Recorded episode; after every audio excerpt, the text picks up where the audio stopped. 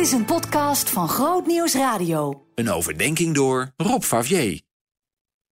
Goedemorgen. Fijn dat je luistert. We zijn bezig met het lezen van de brief aan de Colossense en halen daar wat dingen uit waar we weer mee vooruit kunnen in het dagelijkse leven. Zo ging dat in die tijd ook.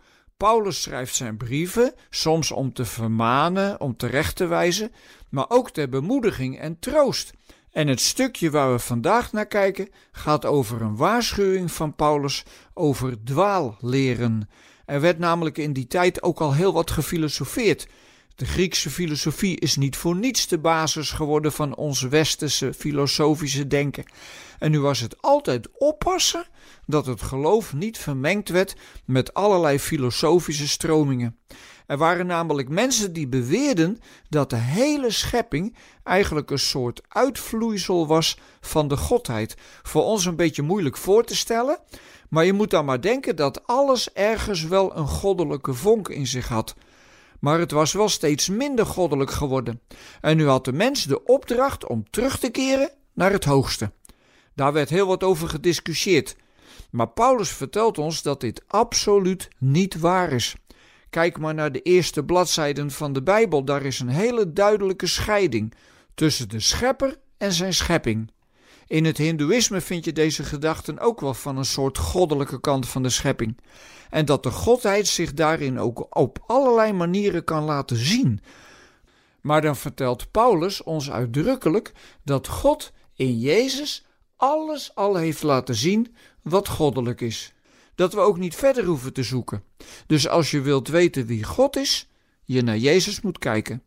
Daarmee veegt hij alle hoge filosofieën aan de kant over godheden en uitvloeisels daarvan, want hij vertelt ons dat God en Jezus één zijn.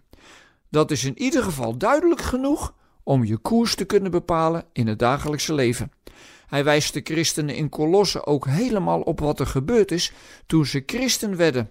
Ze zijn gedoopt en als het ware gestorven aan hun oude leven. En nu zijn ze met Jezus opgestaan, omdat hij al hun fouten en zonden heeft kwijtgescholden. Dus daar moeten ze zich op richten.